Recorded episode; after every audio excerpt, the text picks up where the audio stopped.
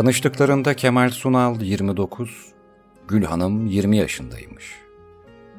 İki buçuk sene mektuplaşmışlar. Sonra evlendiler. Gül Hanım şöyle anlatıyor. Ağzının içinde mır mır bir şeyler söyler. Onu yakalarsanız günlerce gülersiniz. Çok güzel gözlem yapardı. Sabahları uyanır, ben salonda bir şeyle uğraşıyor olurdum. O ciguli taklidi yapardı. Başka gün başka biri gibi girerdi salona. Onlar evlerinde çok mutluydu. O yüzden ne yaşandıysa o evde yaşandı.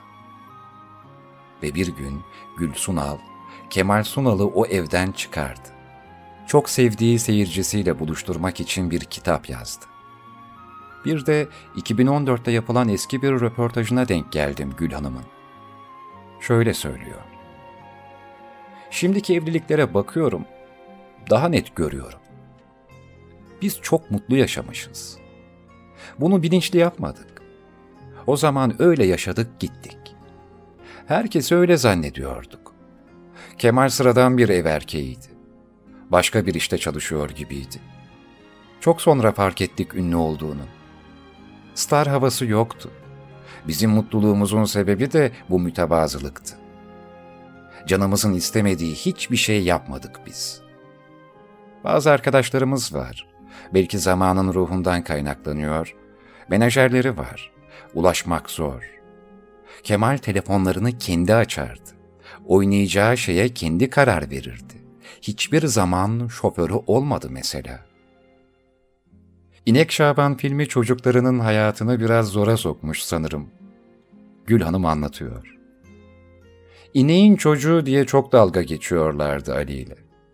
Bitişiğimizde lise var. Sürekli Kemal'le arkamızdan mö mö diye bağırıyorlardı. Kemal bozulmazdı ama çocuklar içerliyormuş demek ki.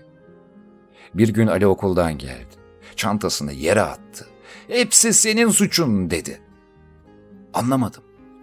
Cüneyt Arkın'la evlenebilirdin dedi. Ona bakkal gazi diyordu. O güçlü ya, o yüzden onunla evlenmemi istiyordu. Çalıştığı filmin kostümüyle gezermiş Kemal Sunal. Çiçek bara bile postacı kostümüyle gidermiş. Bilemiyorum diyor Gül Hanım. Role mi giriyordu, kolayına mı geliyordu? Kibar Feyzo'daki beyaz şalvar, ceket ve kasketle çok dolaştı mesela. Birbirinizi kıskanır mıydınız? Sorusuna şöyle yanıt veriyor Gül Sunal. Bunu geçen gün çocuklar da sordu. Vallahi hiç aklımıza gelmedi birbirimizi kıskanmak. Çok güzel kadınlarla film çekti. Mesela ben hiç film setine gitmedim. Hiçbir arkadaşımın kulüsüne girmem. Kendilerine özel şakaları olur. Böyle bir şey varsa onu görmekten hoşlanmam. İkincisi, kocana güvenmiyorsan bırakacaksın.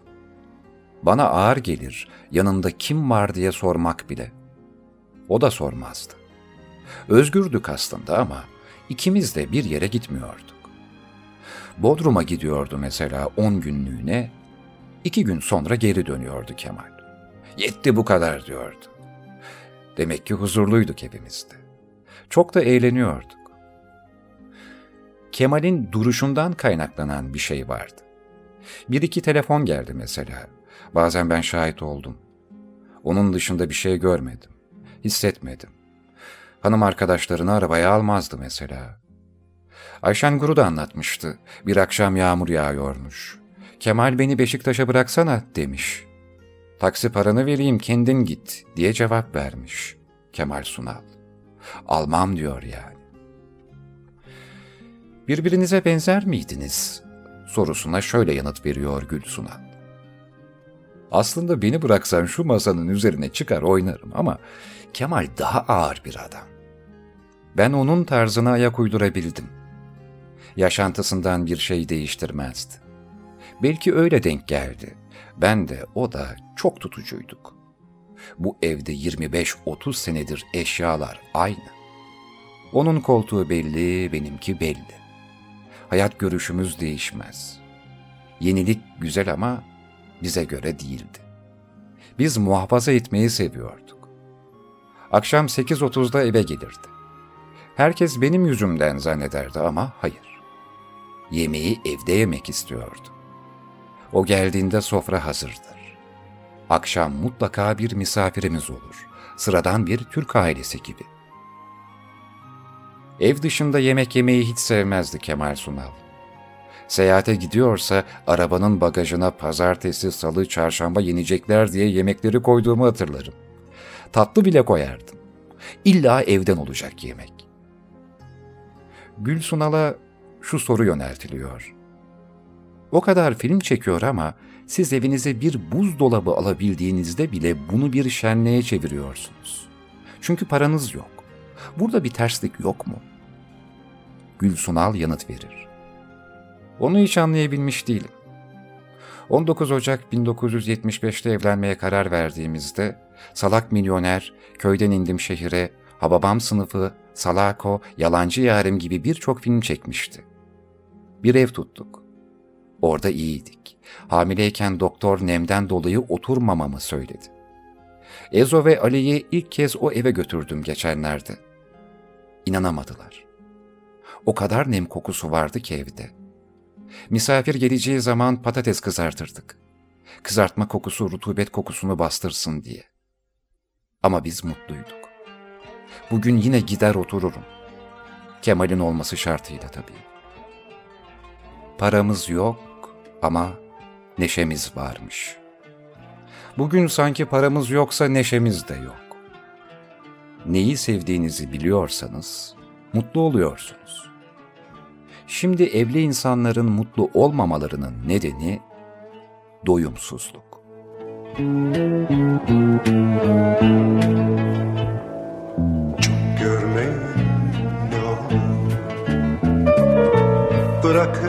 seviyorum. Çok görmeyin ne olur Bırakın seviyorum. Dünyalar sizin olsun. Ben onu seviyorum. Dünyalar sizin olsun. Ben seviyorum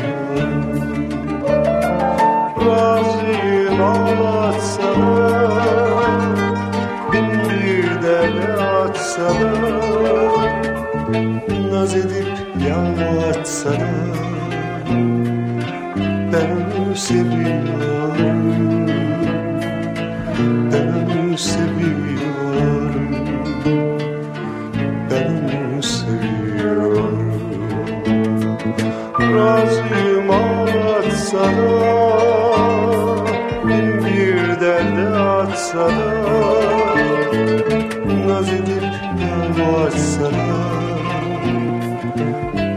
Onu seviyorum Ben onu seviyorum Ben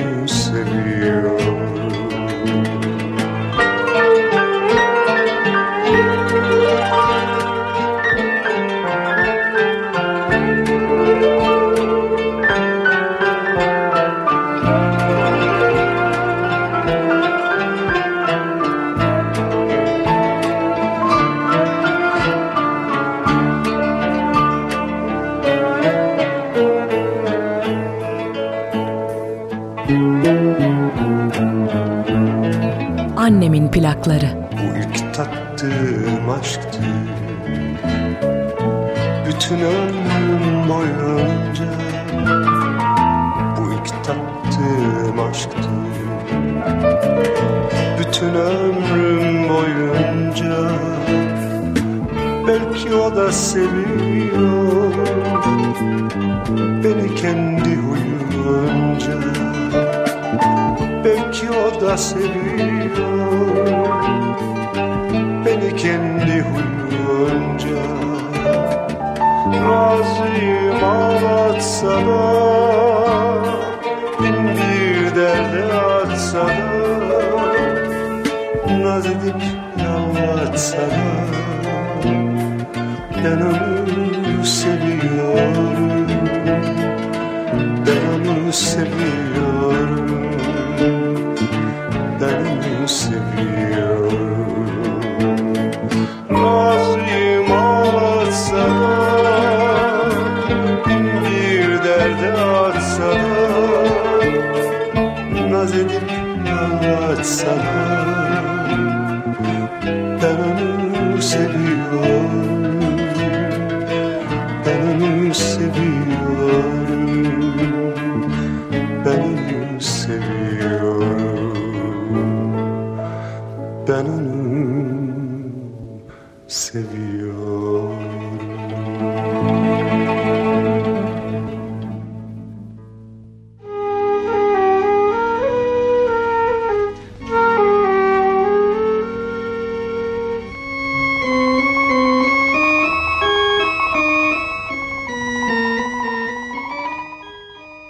Kemal Sunal, sisteme çok naif bir şekilde baş kaldırdı.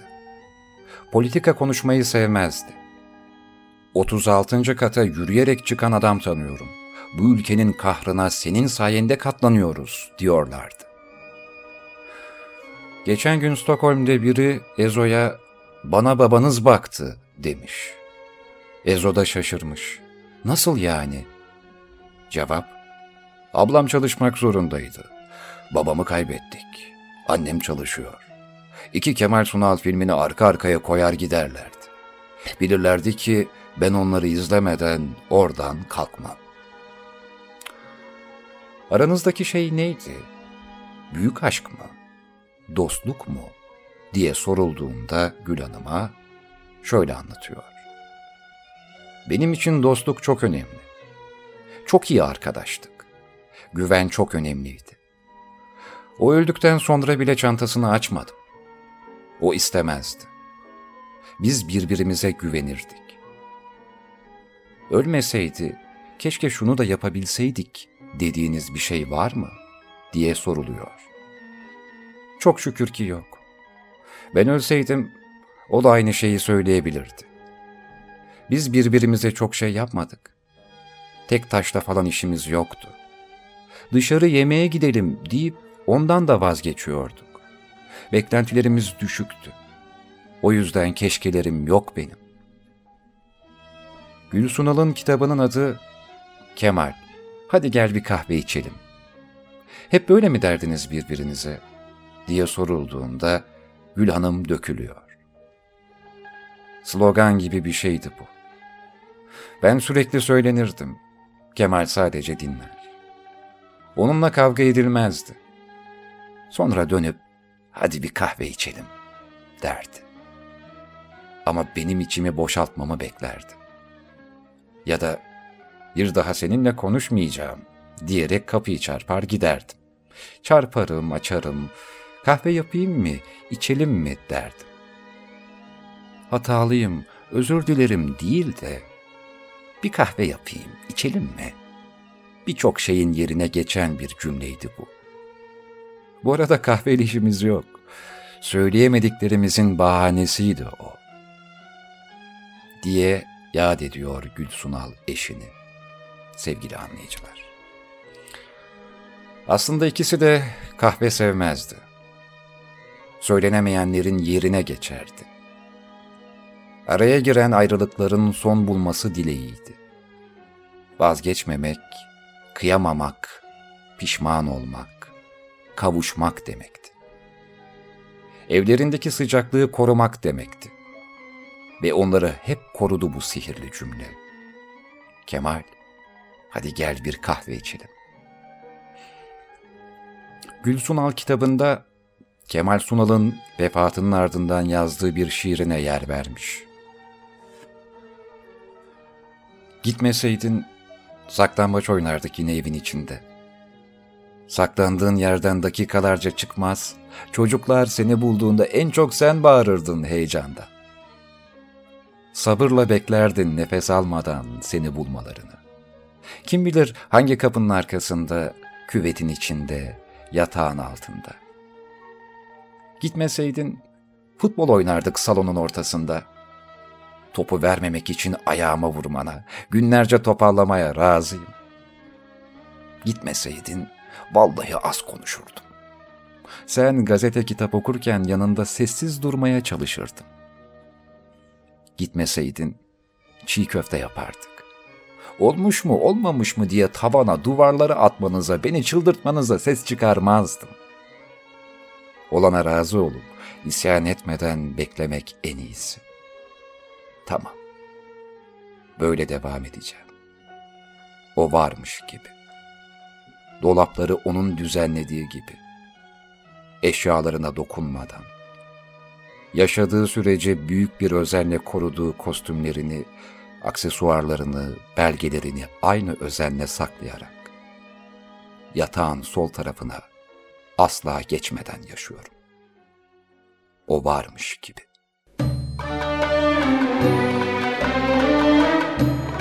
Dinmiyor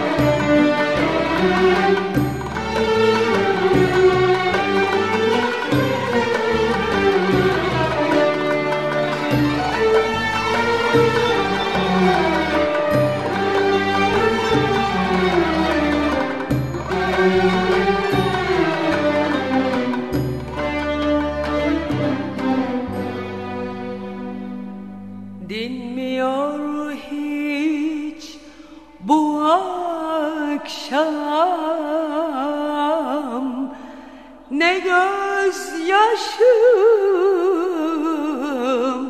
ne acım. Dinmiyor hiç bu akşam. Ne gözyaşım ne acım. Bu akşam her akşamdan Sana pek çok muhtacım. Sana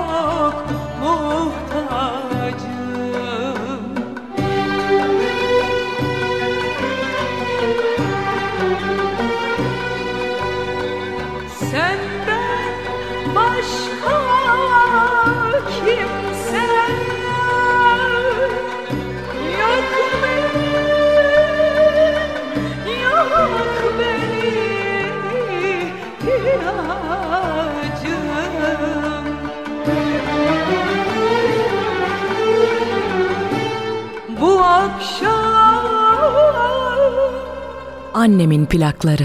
her akşamdan sana pek çok muhtacım sana pek çok muhtacım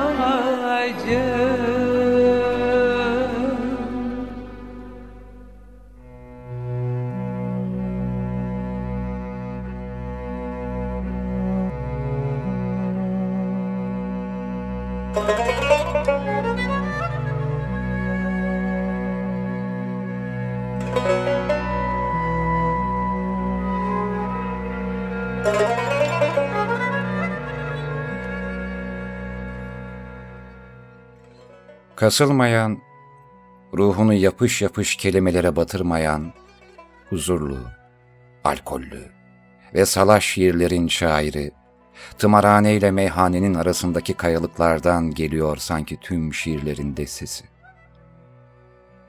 Ahmet Erhan 78 kuşağının en önemli şairi belki de. Şairler övgüyle bahseder ondan ama nedense pek tanınmaz. Kitapları da zor bulunur. Her yol ağzında kendine rastlayan adam. Altı okka şair ve kimsesiz gecelerin kankası. Olta ben, balık ben ve kaybolmuş bir köpek ilanı. Başa çıkılamıyorsa baş üstüne dediğim alışkanlıklarım var. Mutluluk. Bir acının bilincine varıp da onu dönüştürmektir yaşamın sonsuzluğunda karar kılan bir umuda diyerek. Mutluluğun kaynağını insanın kendisi olarak göstermiş şair Ahmet Erhan. Bir güne ne kadar kayıp başlanabilirin cevabı bu şair. Bunca şey savrulan bir yanlışa vurulmak için mi? Dünya değişiyor masalı koca bir yalan. Nilüferleri dağlara taşıdılar. Kekikleri çaylara. Uğrun uğrun ince ince, gizlice. Pınar başlarında karpuzlar utandı. Ormanda köknarlar. Sonra leylak düşmanı bir akşam vakti dünyanın değiştiğini buyurdular. Tam da yunuslar sevişirken arşipelde, tam da gökkuşağı sevinleşirken, özlenen renkler siliniyor dediler. Tam da insanın insanlığına çeyrek kala, yarım metrelik cam bir savaş alanıyla, çıktılar karşımıza teknoloji yalanıyla. Gözler yangın şimdi, ufuklar duman. Dünya değişiyor masalı, koca bir yalan.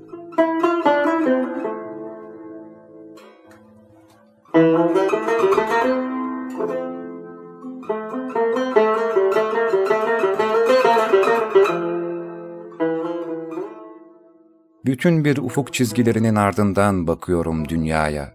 Ama sınırsızlığın bile bir sınırı var bu aldanışlar sağanağında. Ölümle dirimin arasında uzanan o daracık patikada günlerce, günlerce bir şeylerin olmasını bekledim. Suyun tersine akmasını, yolunu şaşırmasını güneşin, dağların uçurumları doldurmasını. Oysa dünya yeni bir tufana eremeyecek kadar çığırından çıkarılmış ve o duruk maviliğinde. Bütün nesneler kendileriyle barışmış. Ölümseyerek bakıyor dünya. Biz gülümseyelim abi.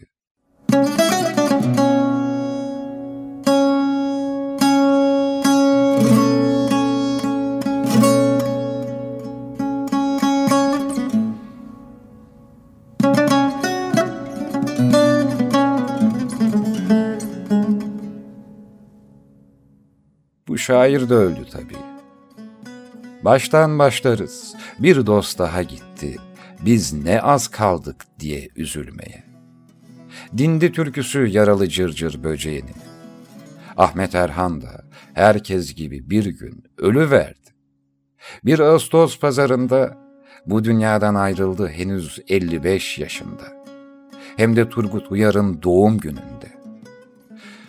Ama ölen ölür ve söyledikleri yaşar.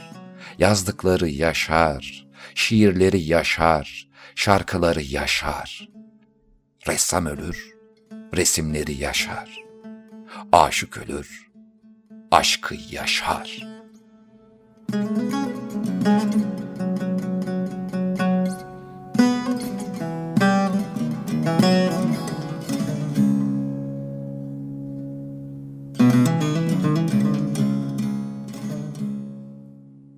tanımsız öfke! Ey uluyan, durmaksızın uluyan acı!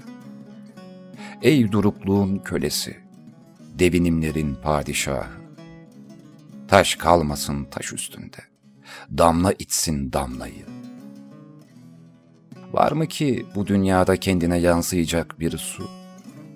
Yok mu ki kendine dolanacak bir ağ?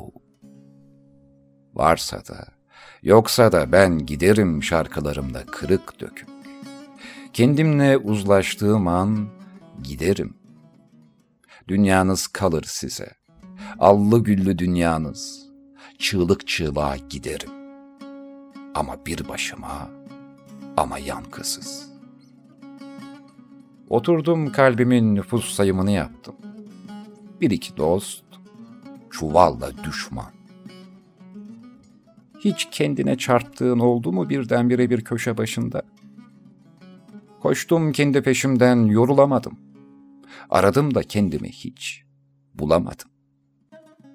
Vaktim yok. Evde yalnızlığım bekliyor. Met geliyor, cezir çekiliyor. Diyalektik aklın eleştirisi. Damarıma basmayın, ayağınız kayar. İki köşeli yalnızlığın bir ucunda sen, bir ucunda ben. Birleşip ayrılıyor çizgilerimiz. Hangi boyuttan koparılmıştık ki biz? Anı bile yok. Ses, koku bile. Bir elin yazdığını öteki el karalıyor sanki. Silgiler hatırlıyor. Kalemler unutuyor bizi. Kontörüm bitti. Beni arar mısın? Bir yalnız öbür yalnızların ipini çekiyor.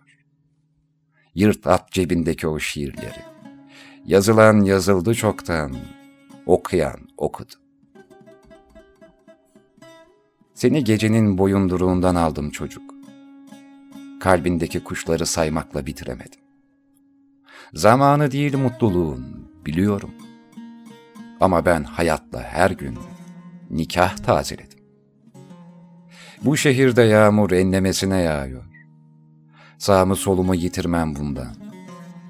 Ama nasılsa bu sokağın adı sen, senden irili ufaklı bir harp taşıyor. Beni diyordum Nazım'a, nasıl da severim seni. Hiroşimalı bir kızın yaprak dudaklarında, işçi tulumuyla İstanbul'da Taksim alanında ve 1960 yazında Küba'da nasıl da severim. Al şimdi ellerimi, yattığın o büyük ülkenin topraklarına uzat. Yanar parmaklarım yanar, ne şolohovlar ne gorkiler var. Yalnızca seni o topraklarda tutsak edenler ve Mehmet'in özlemiyle oraya gömenler var. Haydi artık gidelim bu kapıdan Işık söndü, ayaz bastı gönlüm. Tanıyanlar nereden diye sormadan Terk edelim sokağını gönlüm, gönlüm. Başımın belası. Yavaş yavaş alışalım geceye Umut etme ne yarına seneye. İkide bir tutup da pencereye. Dönüp dönüp bakma artık gönlüm, gönlüm, gönlüm, gönlüm. Başımın belası İkide bir tutup da pencereye Dönüp dönüp bakma artık gönlüm, gönlüm, gönlüm, gönlüm. Başımın belası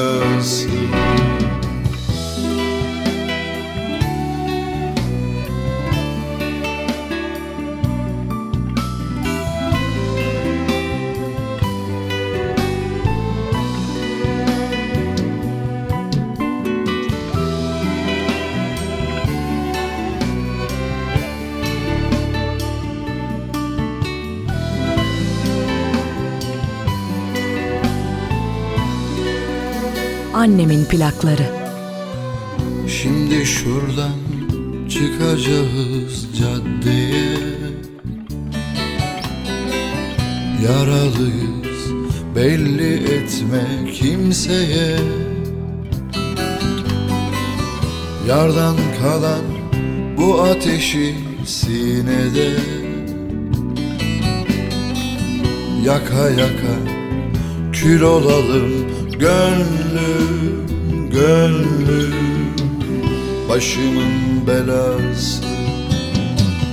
Yavaş yavaş alışalım geceye. Umut etme ne yarına seneye. İkide bir tutup da pencereye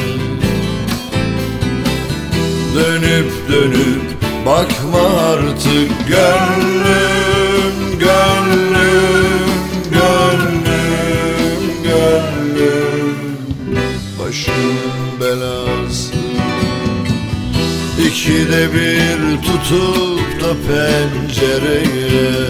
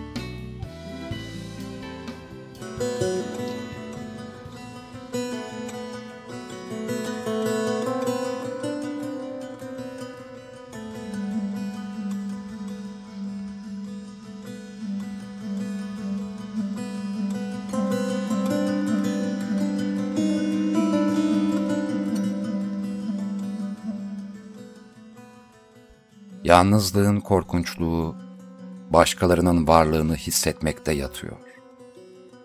Telafisi yok bu hayatın. Yaşadıklarım buza yatırılmış balık gibi donuk donuk bakıyor. Bütün tanrıların kapısında müşteri veli nimetimdir yazıyor. Sen tanrıcılık oynuyorsun. Biraz da kulluğa çalış ve anla. Yorulduğun bir yerlerde biliyor musun? Mutluluğun bir yorum sorunu olduğu bu hayatta ne demek surlarını tutmak mutsuzluğun? Artık resimler yap, kitaplar yaz, duvarlara yaz. Ben sustum. Sen kendi dilini yarat. Hayat tökezlemelerle geçti de hala düşmedim. Değmedim yere. Kalbim, sen hala burada mısın? Şol bedende, gurbette mi? Sılada mısın? Alkol, taşikardi, panik atak. Maceran bir gün tıp dergilerini çalkalayacak. Kalbim, sen hala burada mısın?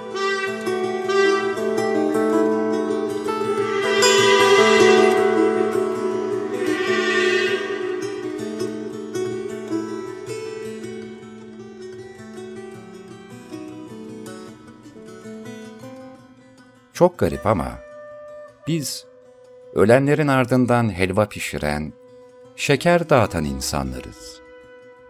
Öyle bir kavram karmaşası yaşıyoruz ki, örneğin popülatire Fransızca'da halka ait, halkla ilişkin demektir bildiğim kadarıyla. Biz ondan popülist diye olumsuz bir kavram üretmişiz ve o kavramla saldırıyoruz birbirimize.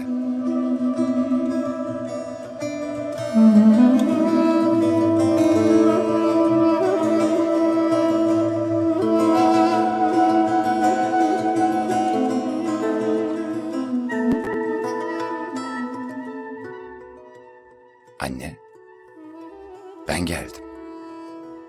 Üstüm başım uzak yolların tozlarıyla perişan. Çoktan paralandı ördüğün kazak. Üzerinde yeşil nakışlar olan. Anne, ben geldim. Yoruldum artık. Her yol ağzında kendime rastlamaktan. Hep acılı, sarhoş ve sarsak. Şiirler çırpıştıran bir adam.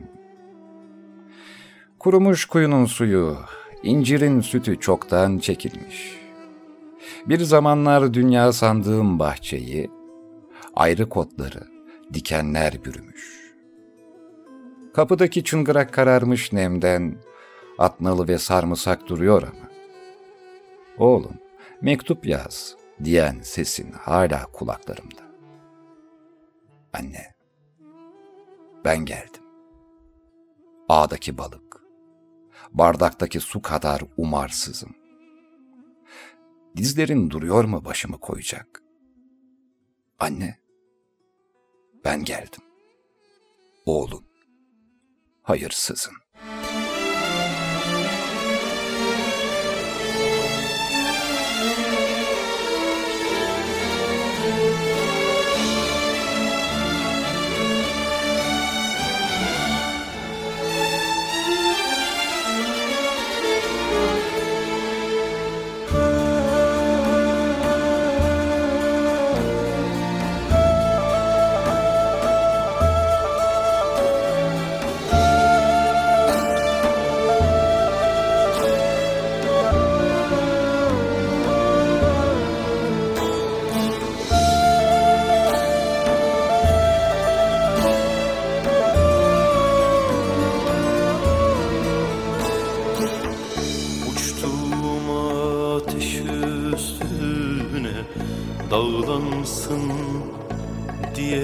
Sızım Uçtuğum ateş üstüne Dağlansın diye sızım Sorma halim ne olur Yoruldum anlamsızım. Sorma halim ne olur Yoruldum anlamsızım Yağmur doldu içime Açım sigarasızım. Yağmur doldu içime Açım sigarasızım. Uyuyor musun anne? Ben geldim vefasızım. Uyuyor anne Ben geldim vefasızım.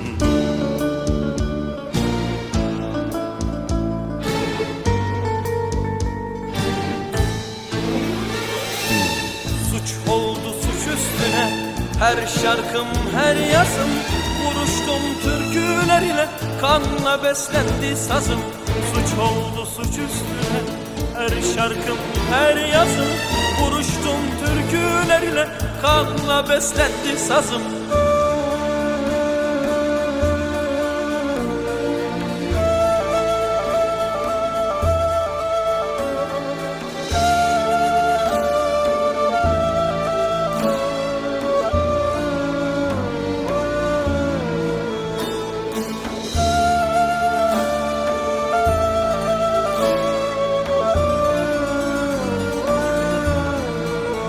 Annemin plakları. Bir rüzgarın önünde kaçağım kuralsızım. Bir rüzgarın önünde kaçağım kuralsızım. Duyuyor musun anne? Yalnızım çok yalnızım Duyuyor musun anne? Yalnızım çok yalnızım. Ah dağılsam dizine Uyusam doymaksızım Ah dağılsam dizine Uyusam doymaksızım Sabah olmasa gece Kaçmasam dermansızım. Sabah olmasa gece Kaçmasam dermansızım.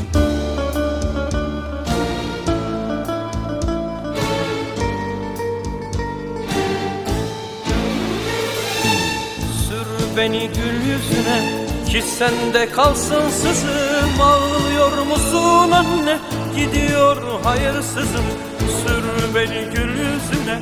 Ki sende kalsın sızım Ağlıyor musun anne? Gidiyor hayırsızım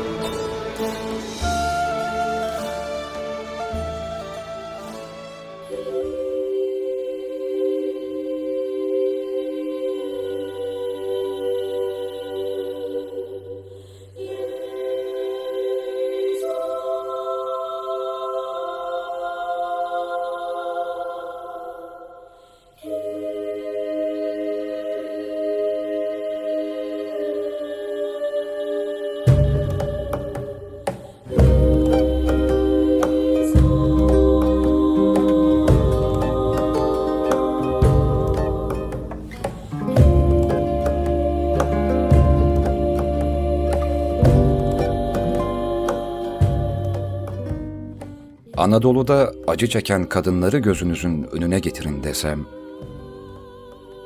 belki ilk önce ağıtlar yakışlarını imgelersiniz. Ama hemen ardından böğrünü döven kadınlar gelir. Buna bağrı da diyebiliriz. Ya da döşü, göğsü dövmek. Üzücü şeyler hatırlatmak istemem. Ama cenazelerde görürüz bağrını döven insanları.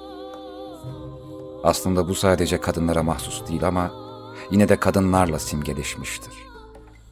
Ve sadece ölümlerde değil, bazı insanlar sinirlendiğinde, üzüldüğünde hiç farkında olmadan göğsünün ortasına doğru vurmaya başlarlar. Göğüs çatalının tam ortasına. İşte orası timus bezinin tam olduğu yerdir. Bağışıklık sistemini doğrudan etkileyen bir nokta.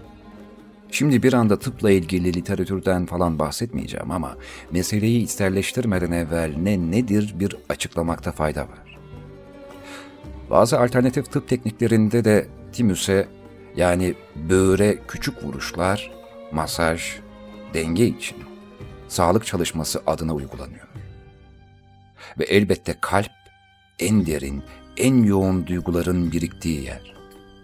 Kalbimiz. Belki de insanın kendi bağrını dövmesi bu duyguların yoğunluğuna dayanamayıp dışarı atmak içindir. Göğsünü döven insanlar duygularını çözmeye çalışıyorlardır kendiliğinde.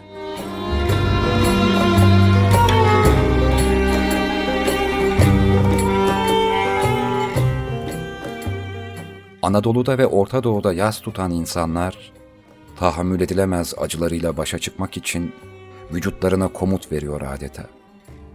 Timus bezini, bağışıklık sistemini uyarıyor.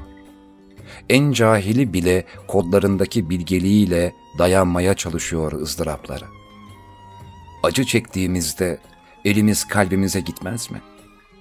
İçim düğümlendi demez miyiz?'' bazen acıyı en sade haliyle bağrım yanıyor diye ifade etmez miyiz? Ve neçe acılı evlerin kanepelerinin altından gömlek düğmeleri çıkar bir müddet sonra. Üstünü başını paralayan erkeklerin gömleklerinin.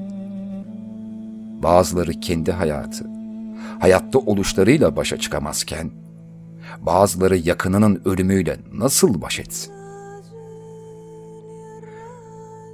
Gerçi artık insanların ölümlere eskisi kadar üzülmediğini, yas tutmadığını, hiçbir şeyden geri kalmadıklarını gözlemliyorum. Sanki acı çekmenin anlamı yok olmuş. Bir acı telaffuz edilmiyorsa melodiye dönüşür. Ama artık yeni şarkılardan kaç tanesi size acıklı geliyor? Ya da yeni bir enstrümantal eser. Acılarını bile sosyal medya üzerinden yaşayıp tanıdıklarının da taziyelerini yine sosyal medya üzerinden yaptığını görüyorum. Olabilir. Ama sahte yaşamların sahte mutlulukları kadar sahte üzüntüleri de yine bu bazı sosyal medya hesaplarından değil mi? Yakınını kaybettiğini duyuran birinin bir hafta sonra gezmeye gittiği storiesini görüp kınamayan var mı? Kimin yasını içinden tuttuğunu kimin göstermelik, görsünler diye tuttuğunu bilemeyiz. Kimin acıyla nasıl başa çıkmaya çalıştığını bilemeyiz. Bu toplum sosyal medyadan önce de çevresindeki kişilerin sevinçlerini ve yaslarını sürekli sorguluyordu. Ve sevinciyle kederini abartılı yaşayan insanlar sosyal medyadan önce de vardı. Aslında davranışlarımız değişmedi sadece deşifre oldu. Daha göz önünde oldu. Değişen şeyler de var ama daha farklı. Nasıl anlatsam? Ne bileyim. Mesela eskiden kendiniz için birlikte gittiğiniz kişiyle iyi vakit geçirmek için bir restoranda giderken sanki şimdi başkaları için gidenler var sosyal medyada görecek olan insanlar için. Eskiden insan canı çektiği şeyi yemek için bir mekana giderdi. Şimdi insanların canını çektirmek için gidiyor. Elbette her zaman olduğu gibi bazı insanlar ve bazen vurgumu yapayım. Ne yapalım? Kurunun yanında yaş dayanıyor. Bazı insanlar da sevdikleriyle mutluluğunu paylaşmak, iyi olduğunu hissettirmek için temiz duygularla bunu yapıyor. Herkes özendirmek için yapıyor diye bir şey yok. Ama anlatmaya başlayınca kurunun yanında yaş da yanıyor. Ya da şu anda bazılarınızın konuşma başlangıcımda anlattığım hikayelerdeki gibi bağrı yanıyor. O kişi az önce sosyal medyadan çok mutluymuş gibi bir paylaşım yapmış da olabilir. Kimin içinin yandığını, kimin ferahladığını çoğu zaman anlamak zor. Çünkü her ikisi de ters şekilde gösterilebiliyor.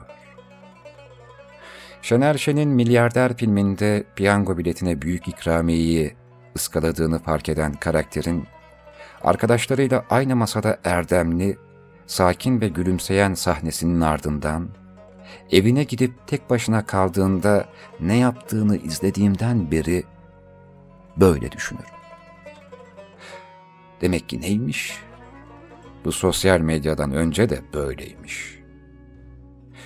Davranışlarımızın içeriği pek değişmedi. Ama biçimi değişti. Bu şeye benziyor.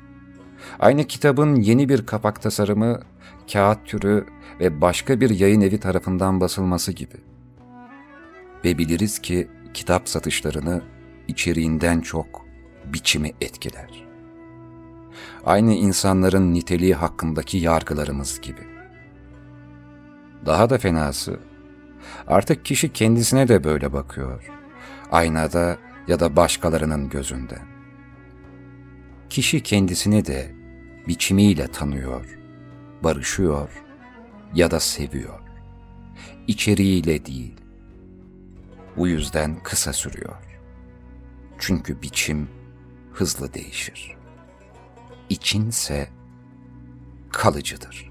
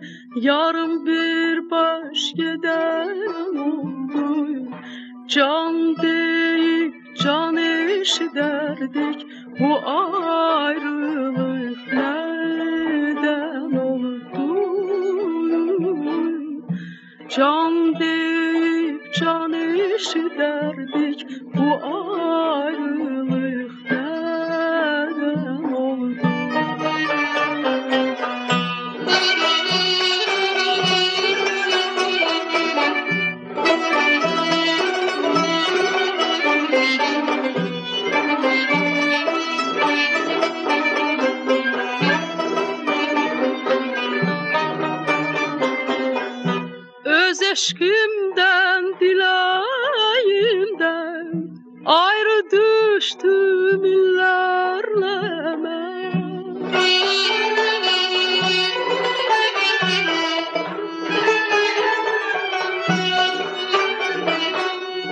Öz eşkimden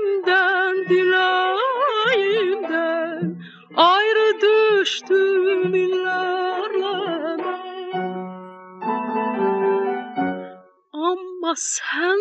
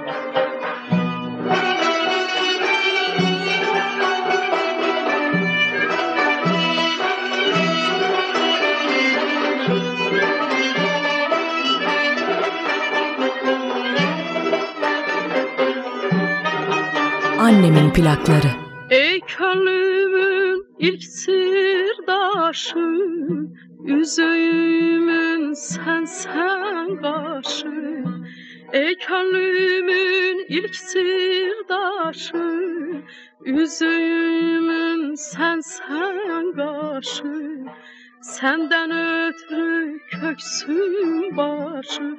Bir ebedi mesken oldu. Senden ötürü köksün başı. Bir ebedi mesken oldu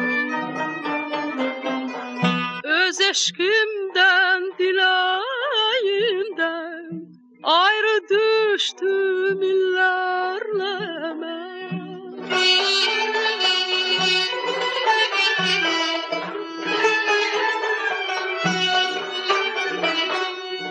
Öz eşkimden dilayimden Ayrı düştüm illerle